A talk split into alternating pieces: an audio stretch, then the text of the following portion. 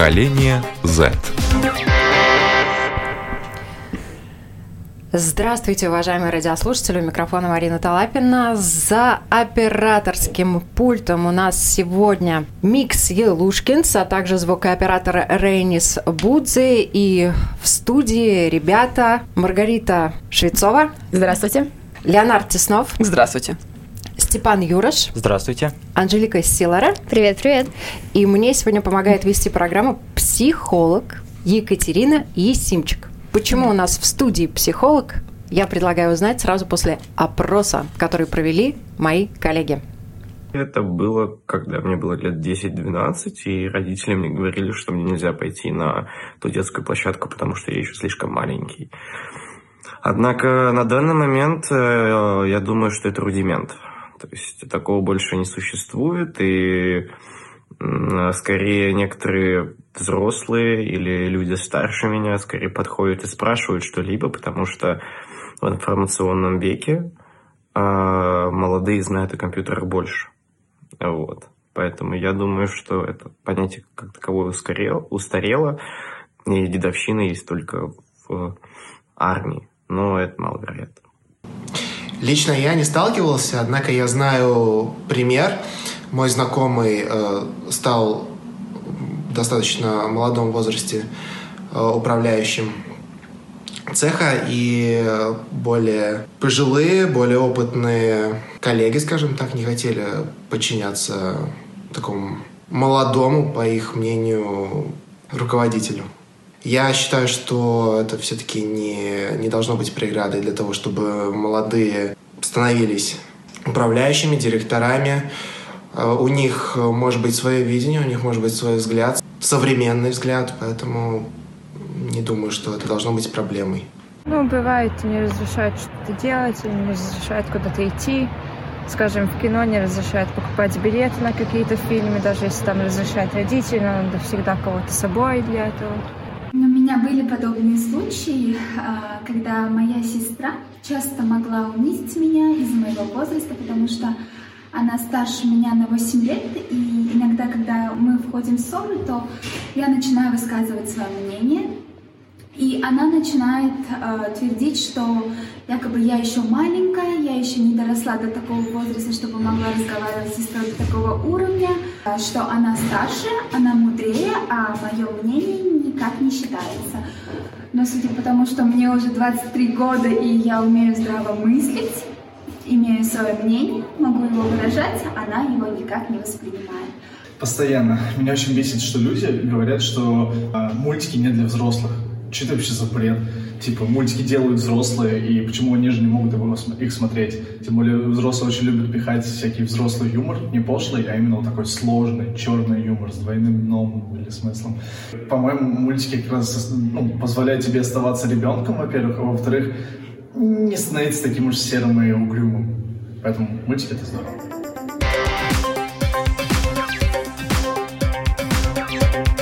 Поколение Z.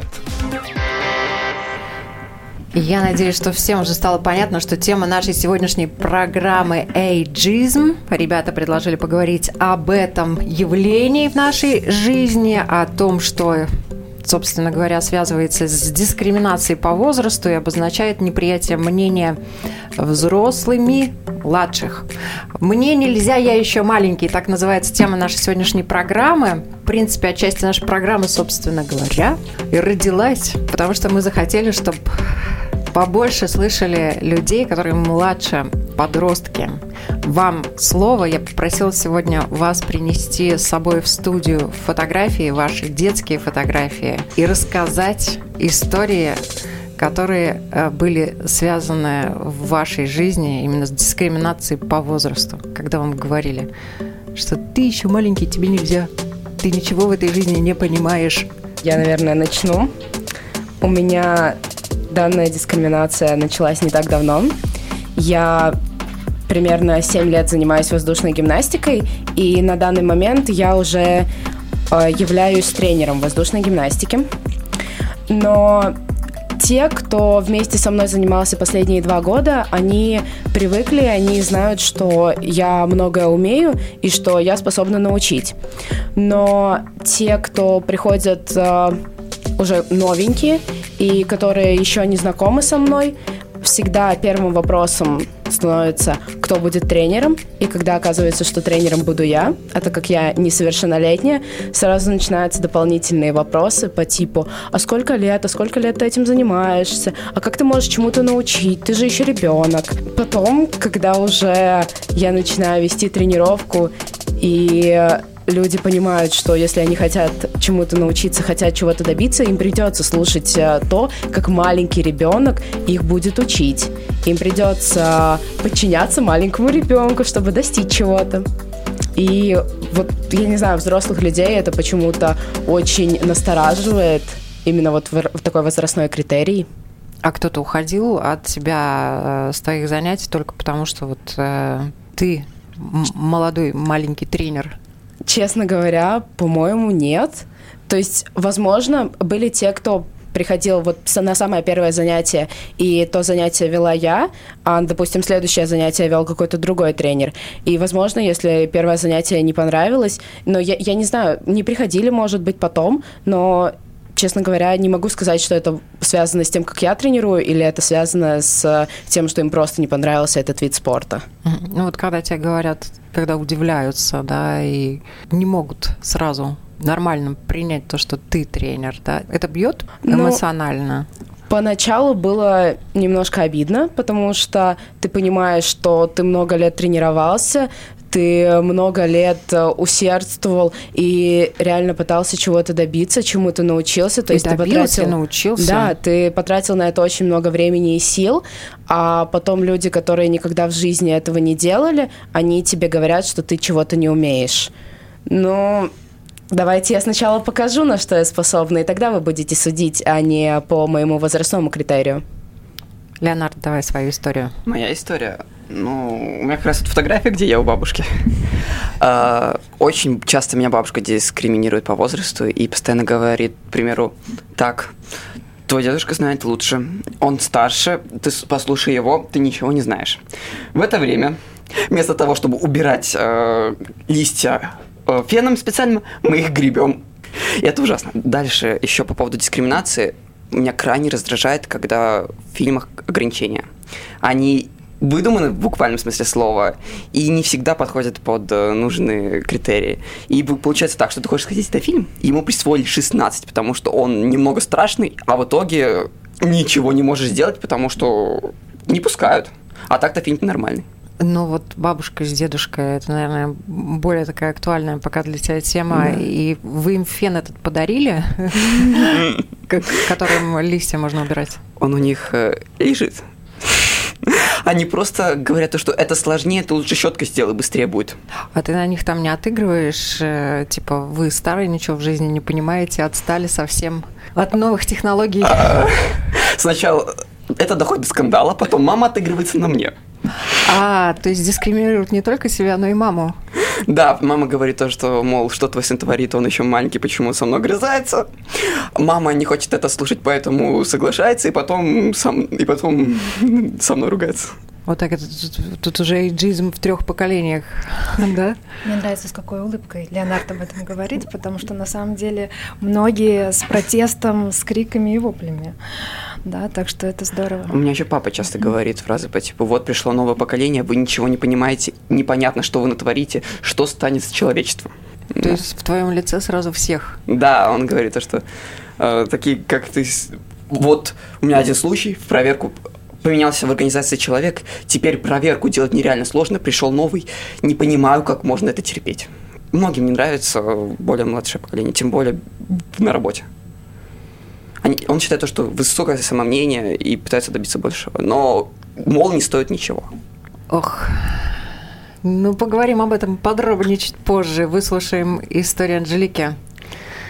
Такой а, шикарный моя... красавица.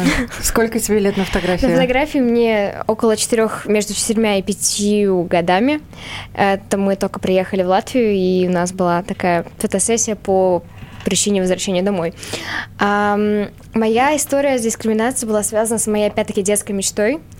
С самого первого класса идя по школьным коридорам, у нас всегда висят фотографии со стен, ну, стенды uh, школьного ученического самоуправления.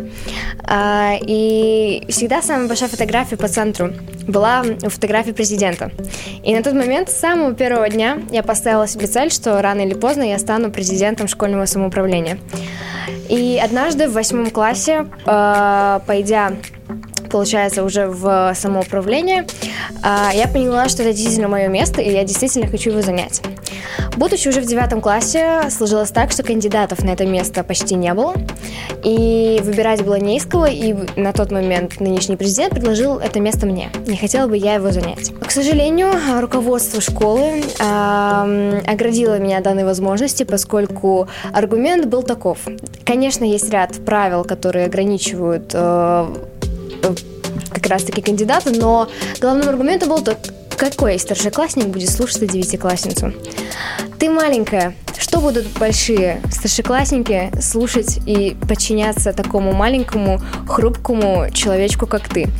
А поскольку профессию я тоже себе выбрала с класса пятого, и э, управление международные отношения это как раз-таки сфера, в которой я дальше планирую работать, для меня этот опыт был, во-первых, не несложным, я уже знала, как это делается. У меня прекрасное э, общение как с руководством школы, так и с любым учеником я могла найти общий язык.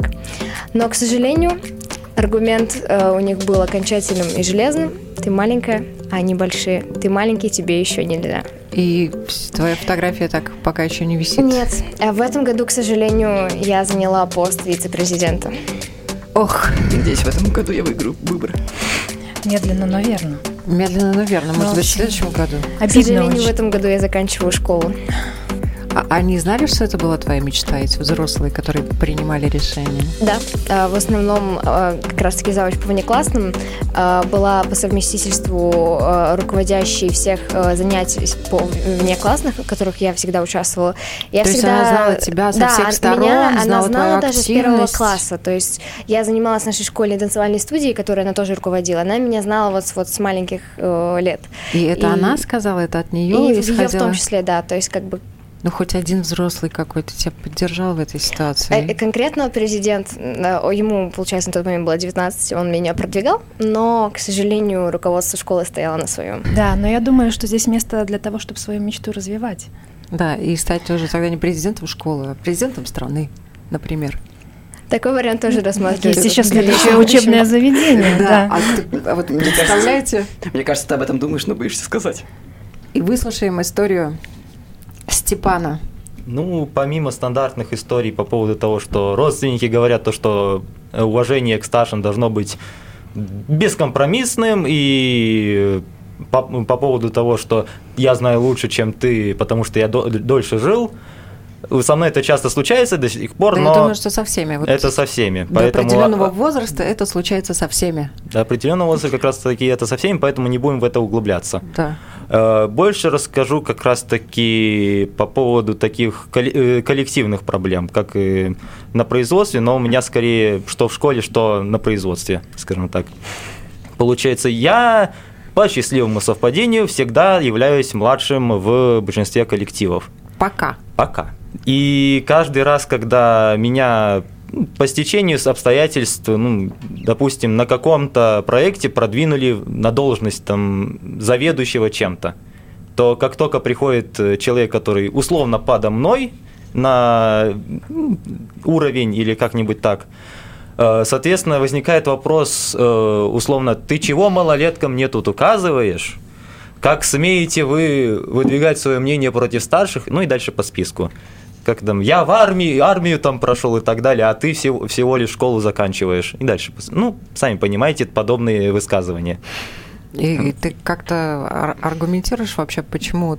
Почему я за главного? Да, Меня за часто ставят из-за того, что я, если ну, человек... этим людям, которые тебе там высказали мнение, Ну, я им как раз-таки объясняю. Да. Меня поставили, потому что я показал себя, ну, возможно, с худшей, возможно, с лучшей стороны. Меня э, часто ставили из-за того, что я относительно креативный на, на, их, э, на их усмотрение. Хорошо, но вот через время какое-то эти люди это не, это не меняют пос... свое мнение? Самое смешное то, что это не проходило, но это уже скатывалось скорее какой-то вид юмора, то бишь относительно каждый раз, когда заходил «Привет, малолетка», ну или что-нибудь такое, я уже это не обращал внимания, только отшучивался «Привет, старики» или что-то в этом роде. Поэтому... Обратный эйджизм. Обратный эйджизм Обратный работает эйджизм. так же. Ой, у меня на работе такое тоже было летом. Я всегда... Я, я тоже, я была самой младшей, только мне на тот момент было 15, а весь мой коллектив это были 21 плюс. Ну, в принципе, до 30 лет. Круто звучит 21 плюс. 21 плюс где-то до 30. Ну, не считая самых там двух главных руководителей, которые там 40, 50 и старше. И у меня тоже поначалу все думали, что ну, мне, наверное, 18 лет, потому что к ним обычно ну, на летнюю подработку не приходили. Когда оказалось, что мне 15, началось типа, о, ребенок. Я такая, старики. Ну, как бы друг с другом общались, но, в принципе, никто на, на это не обижался.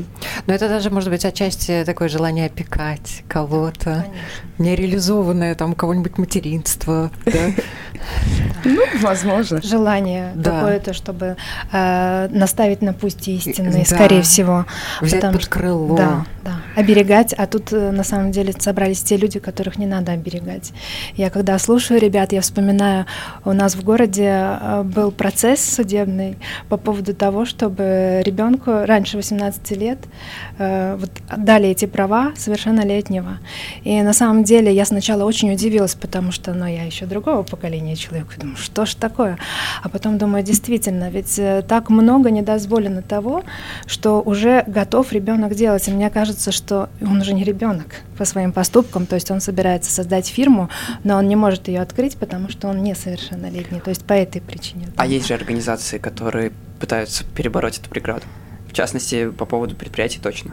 Э, да, но, в принципе, там к 18 годам очень много еще чего пакет добавляется всяких других прав, да, поэтому действительно он может и поступать куда-то, и по учебе что-то делать, и по работе уже больше имеет возможностей. Поэтому я вот так слушаю, на самом деле э, то поколение Z, э, которому посвящен этот цикл передач, э, оно мне очень нравится тем, что такое есть обостренное ощущение справедливости, взрослости и на самом деле, наверное, этому меня научили мои дети. Можно даже сказать, какой-то момент ломали, когда мне приходилось понимать, и прочувствовать на себе, что вообще э, моя дочь принимает правильное решение, независимо от того, что ей сейчас 12 лет или 13 лет. И вот это помогало мне еще общение в школе с детьми, увидеть, что нынешнее поколение оно на самом деле серьезное и ответственное. И в принципе, если нормально разговаривать с уважением с детьми, то и они выдают замечательные, умные, мудрые мысли. Но тут э, ребята тоже большая часть истории была связана как раз с тем, что они уже получили получили опыт работы, mm-hmm. да, там организационный, конкретно профессиональный. Ребята в этом возрасте работают, и мы делали об этом программу. Многие школьники сейчас подрабатывают даже в школьное время. Там кто-то об этом открыто говорит, кто-то не открыто, да, кто-то на выходных, кто-то больше, кто-то меньше, но многие получили опыт работы. А вам как психологу вообще часто школьники, старшеклассники обращаются вот с подобными проблемами и просят э, помочь вообще как-то разрулить, что делать в этой ситуации? Э, чаще обращаются родители. Дети знают, что делать по большому счету, да, они хотят, чтобы с их мнением считались, поэтому чаще приходят родители. Родители Именно с этим запросом, да, да что запросом. с моим мнением мой ребенок не считается. А как сделать, чтобы родители считались? Надо скандалить или как? Как мы сейчас да, говорим о том, что э, детей не воспринимают, вернее, детей воспринимают детьми и не воспринимают уже более взрослыми, потому что там считают, что ты же ребенок, я-то помню себя там в свои 16 лет, и что я там вообще делал, да. да, и по себе начинают судить э, о том, какой сейчас вот их ребенок на данный момент и думает, что он такой же безответственный где-то немножко, где-то там ленивый, и поэтому хотят его как-то так наставить на путь истины. Поэтому чаще всего, когда дети последовательно доказывают, что они могут брать на себя ответственность, это делают, э, компромисс, выходят на компромисс, и тогда обычно взрослые перестают бояться. Потому что почему родители боятся? Почему взрослые боятся? Потому что э, они думают, что ой, сейчас мой ребенок примет неправильное решение, и вся его жизнь там разрушится, и, и все остальное, там, ну, что да. с этим связано, да, уже просчитали почти до старости. Боятся Поэтому... утратить контроль?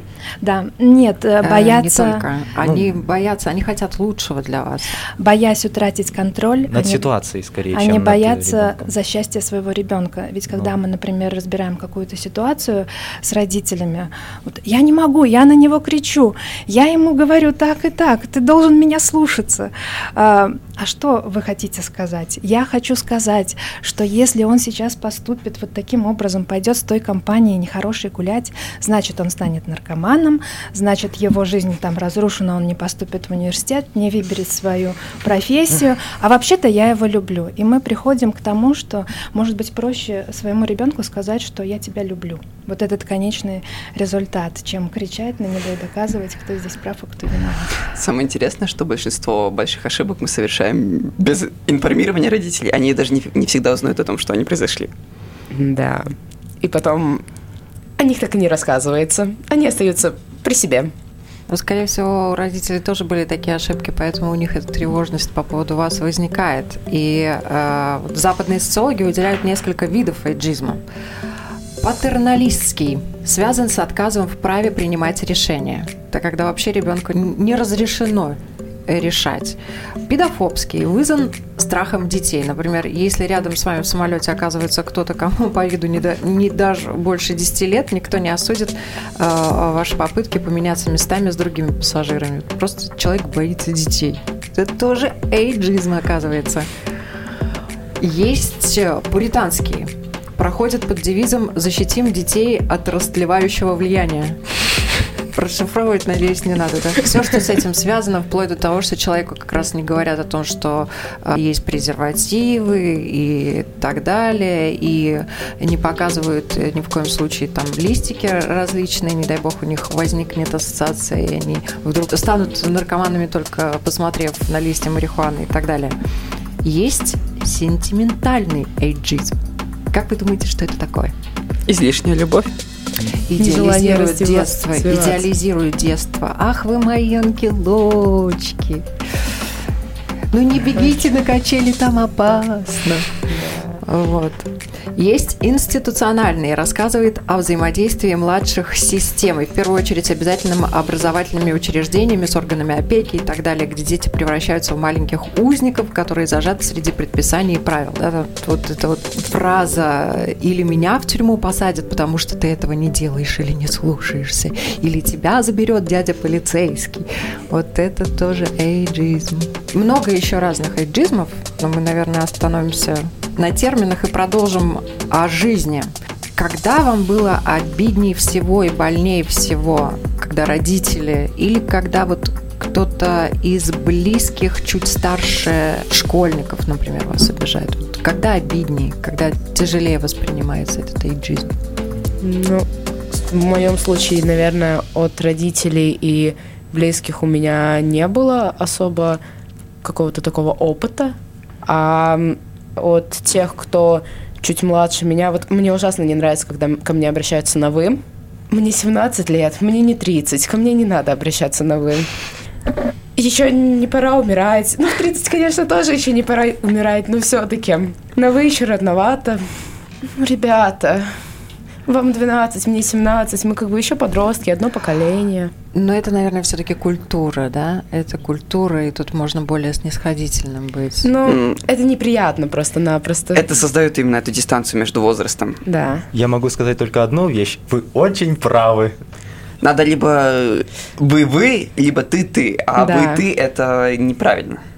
А вы готовы молодых людей, которым 12 лет, назвать на «вы» в такой ситуации?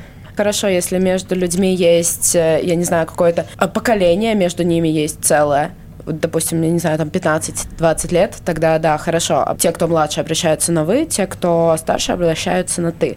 Но если это одно и то же поколение, ну, тогда да, они либо обращаются на вы друг к другу, либо обращаются на ты. Они один обращается на вы, другой на ты. Это, наверное, не самое страшное. Гораздо тяжелее ситуация, когда, например, родители говорят, что тебе надо пойти на инженер. Тебе не надо идти на психолога, или еще в какую-то профессию, денег тебе это не принесет, а я старше тебя прожил жизнь, знаю. Психологов, как собак нерезанных, лучше иди на инженера. Да, не лучше иди на инженера, а ты иди. пойдешь на инженера. Без Но вариантов. Это, мне кажется, самый частый пример того, как э, вообще встречается эйджизм в нашей жизни, поскольку у каждого человека в своей жизни наступает тот момент, когда ему надо куда-то поступать. И не всем, конечно, так повезло с, со свободой выбора, скорее. И я лично тоже проходила через эту стадию, когда э, вопрос о моей профессии стал боком, и мне понравилось очень понравилась данная профессия, которой я уже занималась, и, в принципе, готова была зарабатывать деньги уже на тот момент. Но мне сказали, да ты что, да как ты можешь Какая тратить... профессия? А, фитнес-тренер.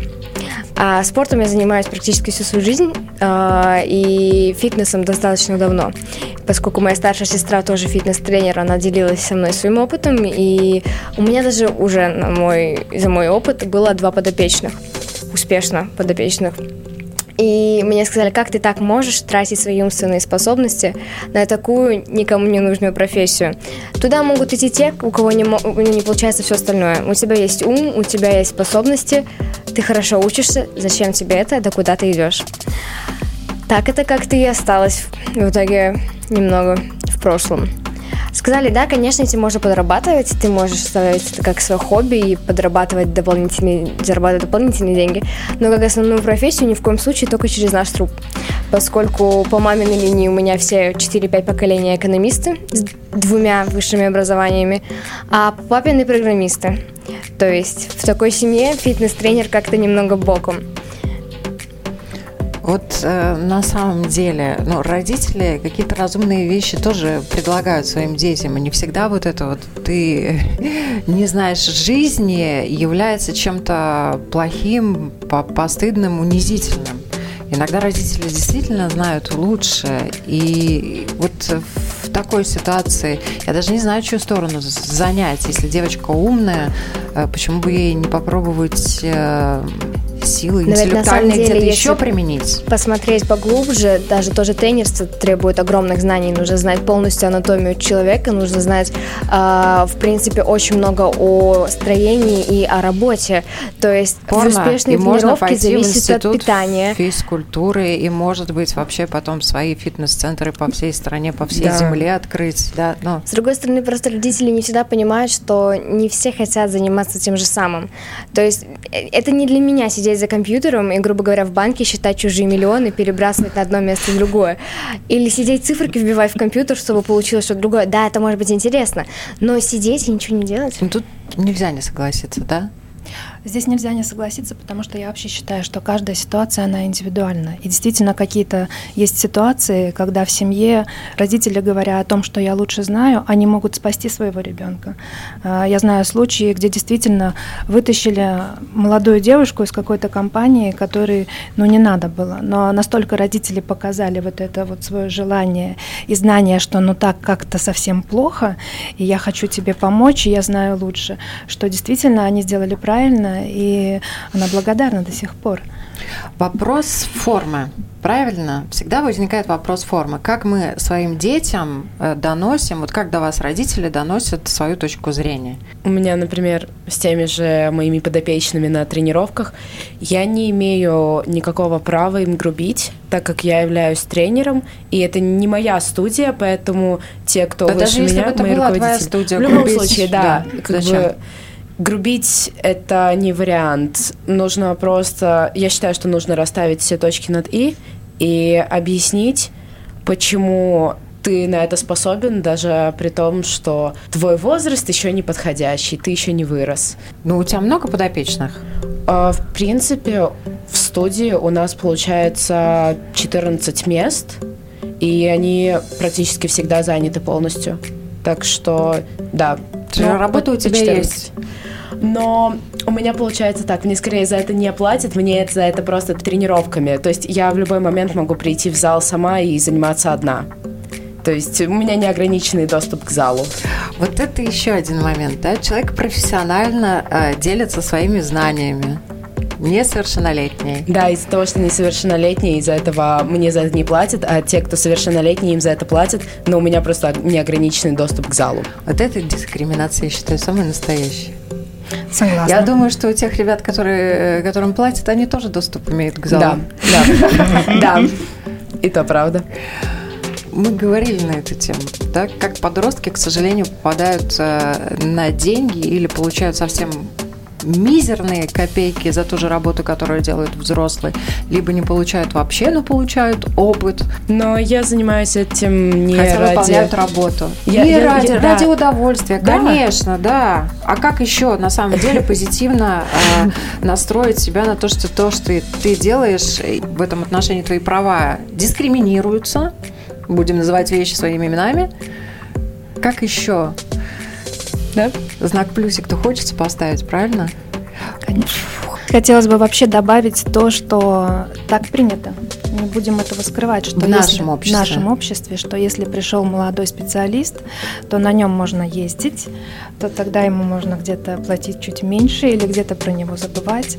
Но, к сожалению, это есть, и это идет как раз вот из того предыдущего поколения, да э, ну, так скажем, если уже говорить про эту теорию поколений, да, X и Y, то получается, что ну вот оттуда пришло манипуляция именно как особенность этого поколения. То есть, например, я очень уважаю учителей, сама отработала в школе больше 10 лет, и поэтому сталкивалась с разными коллегами, и просто видела, что когда я работаю с начальной школы, это дети, они откликаются на учителей, они к ним тянутся, они идут. И это связано с особенностью возраста, э, той, что младшие дети, они равняются на своих учителей, на своих родителей, они для них, в принципе, там и учатся, да.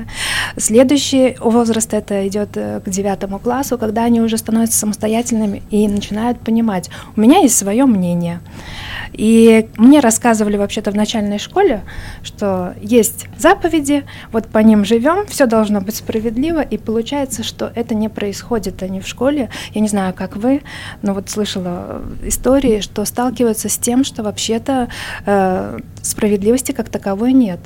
И поэтому я столкнулась с таким моментом, что 8-9 класс, когда я к ним прихожу на уроки и рассказываю э, про то, что такое компромисс, что такое там педагогика, еще что-то, я вижу их разочарованные глаза, потому что, ну, это не работает это не работает, потому что нынешнее поколение, вот те, которые ребята здесь сидят и которые сейчас подрастают, они, ну вот на такое замечательное слово ментальность, которое включают э, направленно, которое включает в себя чувствительность, э, справедливость, честность. На самом деле они хотят договариваться, вы хотите договариваться, а взрослые еще где-то э, кто-то готов, кто-то не готов договариваться.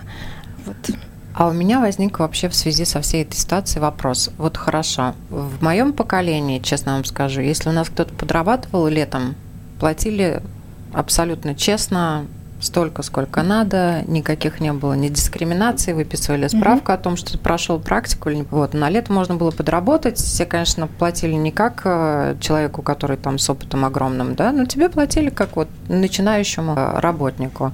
Сейчас э, поколение, поколение Z, сталкиваетесь вы, ребята, с тем, что реально со всех сторон по деньгам ущемляют, по правам ущемляют, принижают и так далее. Вот дедовщина-то тоже было явление какое? Оно передавалось с поколения в поколение. Вот что вы будете передавать другим?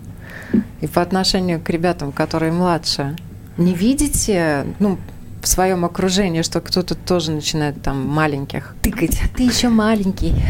У меня раньше была такая ситуация, что я когда знакомился с людьми, я сразу спрашивал, сколько им лет, ну, по принципу, вдруг он слишком маленький, мне будет не о чем с ним говорить. Я только сейчас понял, что это, что это было ужасно, но, слава богу, я перестал, и я понимаю, что периодически я все-таки прибегаю к эйджизму, но я пытаюсь от него а уйти. почему ужасно? Это же просто определяется, интересно человеком будет говорить или неинтересно. Ну, Да, но это не это стереотип. Это стереотип. Да, есть. Я знаю некоторых людей, которые на 5 лет меня младше, и мне с ними нормально разговаривать. И общие интересы даже есть. Мгм. Ну, у меня бывает только то, что я иногда тех, кто на те же пять лет младше меня, я называю их детским садом, но это только из-за поведения, когда начинается такое очень-очень детское поведение и споры на пустом месте, говорят, что нет, я красивее, нет, я красивее, и просто спорят, и ты, ты пытаешься это просто прекратить, но они тебя не слушаются, и это продолжается, и единственное, как я могу это назвать, это реально детский сад, когда не способны прийти к какому-то компромиссу. Анжелика. Я все же с младшим, скорее, поколением не сталкивалась с такими ситуациями. Скорее, я замечаю за своими сверстниками. У меня очень много друзей младше меня. И вот мои друзья, скорее, моего возраста, постоянно этому удивляются. А почему? Он же ты в 12 классе, он в 8 классе, у вас такая разница, что вы вообще друг с другом делаете. А мне на самом деле очень интересно общаться с разными людьми разного возраста, и могу сказать спокойно, что и даже намного младше ребята э, бывают чем-то очень интересны, поскольку у нас у каждого есть своя жизнь, у каждого есть свой опыт, и вот как в этом случае они уже профессионально, уже очень много лет могут чем-то интересным заниматься, чем-то очень специфическим, и, или читать что-то специфическое, поэтому никогда нельзя сказать, что ребята младше, старше будут чем-то неинтересным, у каждого можно найти что-то свое, поэтому я, например, всегда открыта к разным возрастам, что не скажу о своих сверстников, потому что действительно у них это вызывает удивление и непонимание. Вот этот весь эйджизм, да, со стороны взрослых, старших э, и так далее, он же кучу комплексов может человека родить, э, неуверенность в себе. В итоге вот во взрослой жизни как это может вылиться? Это поколение, ну не это поколение, именно ребята, которые с этим больше острее столкнулись, как они компенсировать будут это все? Но чаще всего компенсируют в будущем за счет своих детей. Ну так скажем, потому что все-таки мы это зеркало наших родителей. И если мы с собой работаем, развиваем и решаем свои проблемы с комплексами, тогда, конечно, это помогает воспитывать более здоровых детей. Но чаще всего, если заговаривать о том, как родители а, относятся к своему ребенку, а потом спросить, как относились к вам, это настолько похоже, что иногда даже ну, вот, э, сам родитель видит, в чем причина. А, это вот здесь, и начинает тогда исправлять. И я скажу так, что как только родитель замечает, э, в чем его, там, я не знаю, трудность с ребенком, начинает ее исправлять, то очень быстро идет результат. И вот я работаю с детьми, и это сразу видно. Поэтому выливается и самооценка, и отношения со сверстниками, отношения со старшим поколением. То есть, ну, здесь масса всего, конечно. Конечно, неприятно, когда тебе говорят, что ты не можешь только потому, что ты мал, хотя ты понимаешь, что и силы у тебя есть, и достаточно у тебя уже опыта какого-то приобретенного, и голова хорошо работает, да. Но, в принципе, возрастное равенство, оно предполагает возрастную эту ответственность, да, то есть берем на равных. И уборка, обслуживание, самообслуживание, стирка, кормление, там, финансовая ответственность. Это вы готовы вот на равных со взрослыми?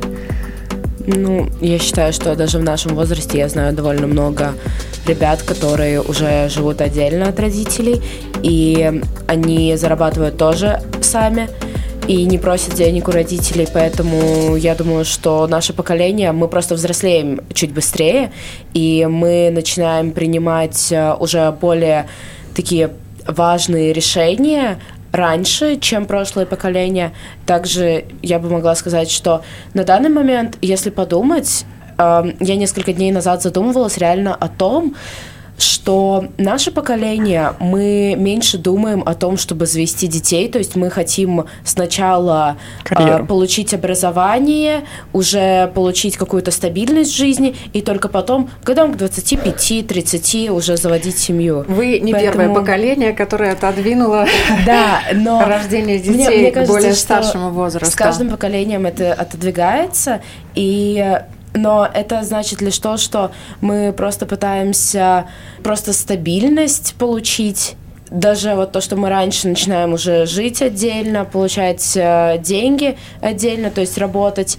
И мне кажется, это только как бы желание просто стабильности и того, чтобы знать, что я могу сам. На самом деле это действительно правда, поскольку я сама лично за собой уже давно заметила. А, меня и воспитали на самом деле так, и я замечаю за другими. Нас уже с самого раннего детства готовят к этой взрослой жизни, и может, это тоже сложилось, опять-таки, из воспитания предыдущих предыдущих поколений, но это все как-то все ближе и ближе продвигается к нам этот момент того, когда надо учиться делать что-то самому. То есть меня с самого детства ставила мама у плиты, такая, стой, смотри, как это делать. Всегда у раковины стоял маленький стульчик, чтобы я могла дотянуться, помыть сама посуду.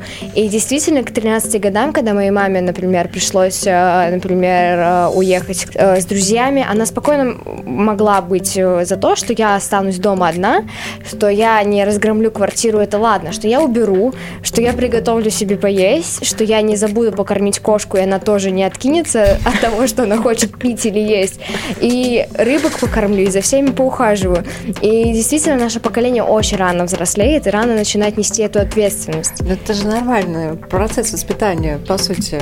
Это же вот поколение к поколению не зависит. Некоторые там в пять лет уже усахи, да, да в огороде да, копаются. На самом деле, да поводу финансовой ответственности, я думаю, что, ну, если предположим, что так произойдет, что я в 25 еще буду жить с родителями, правда, надеюсь, этого не будет, то я готов полностью как бы делить, делить расходы. Ну, это же будет честно. С родителями? Да. Ну, нормально, молодец. Я знаю, что Степан сейчас уже очень хорошо зарабатывает. Очень хорошо зарабатываю. Особенно, когда сижу с, э, с младшими братьями. Нет, увы, я не так сейчас хорошо зарабатываю. Я скорее, в отличие от некоторых, принимаю на себя, боль, ну, скажем так, вместо отцовскую роль. Э, потому что часто меня просят ну, прийти, посидеть с младшим братом. В конце концов, я старший, ко мне он на руки идет. Я, ну, и получается так, то, что я э, их ну, на руках ношу буквально. И... Я знаю, что в некоторых семьях принято, ну это в основном за рубежом, если такая ситуация происходит, то э, тебе как старшему просто платят. Не, мне не платят. Я, мне нравится с, э, с младшими своими сидеть, и я вообще к детям, я их буквально начинаю на руках носить нести, я им истории рассказываю, и а, я, я веду себя как э, уже старик какой-то. Какие выводы мы можем сделать сегодня в нашей программе? А, для меня, наверное, действительно такой вывод, что каждый случай это индивидуальный, каждый человек это индивидуальная, там, скажем, ячейка общества, семья. Как Анжелика рассказывала, у меня была своя скамеечка. Это сколько лет было? Наверное, каких-то 3-5.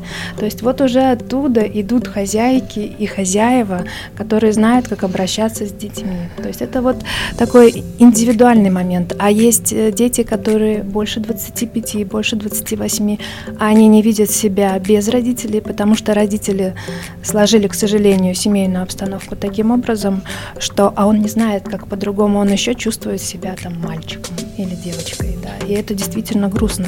Поэтому для меня самое главное – это личность человека, каждого и сидящего здесь, и растущего, и взрослеющего, и, наверное, развивающегося. То есть это постоянно саморазвитие э, индивидуально в каждой семье и развитие своих, наверное, детей, чтобы они действительно были готовы к жизни потому что наше это поколение, ну, у меня родители – это дети послевоенные, которые даже отцов своих не увидели. И поэтому им пришлось воспитывать нас так, как они умеют. И очень рано повзрослеть тоже, да.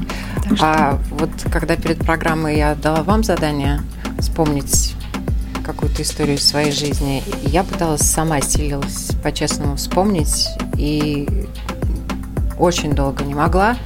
Какую-то ситуацию, связанную с дискриминацией в, в моей жизни. Но потом у меня всплыла в памяти ситуация, мне было лет пять, и мои родители, бабушка с дедушкой тоже собирались в театр, и меня с собой не брали, и я была очень оскорблена, потому что мне сказали, что еще маленькая опера «Пиковая дама» не для твоего возраста. Я не могла понять, ну как это так, театр, опера «Пиковая дама». Я уже ходила на балет «Лебединое озеро», я все в театре понимаю. А на «Пиковую даму» меня не берут. Вот. Я даже, вам честно признаюсь, заностальжировала. Я такая, такая грусть, тоска возникла в моем сердце, в моей душе по поводу этого интересного события в моей жизни, когда мне сказали, что я маленькая. Эйджизм в младшем возрасте, в детском возрасте, это то, что обязательно пройдет. Всем хорошего дня!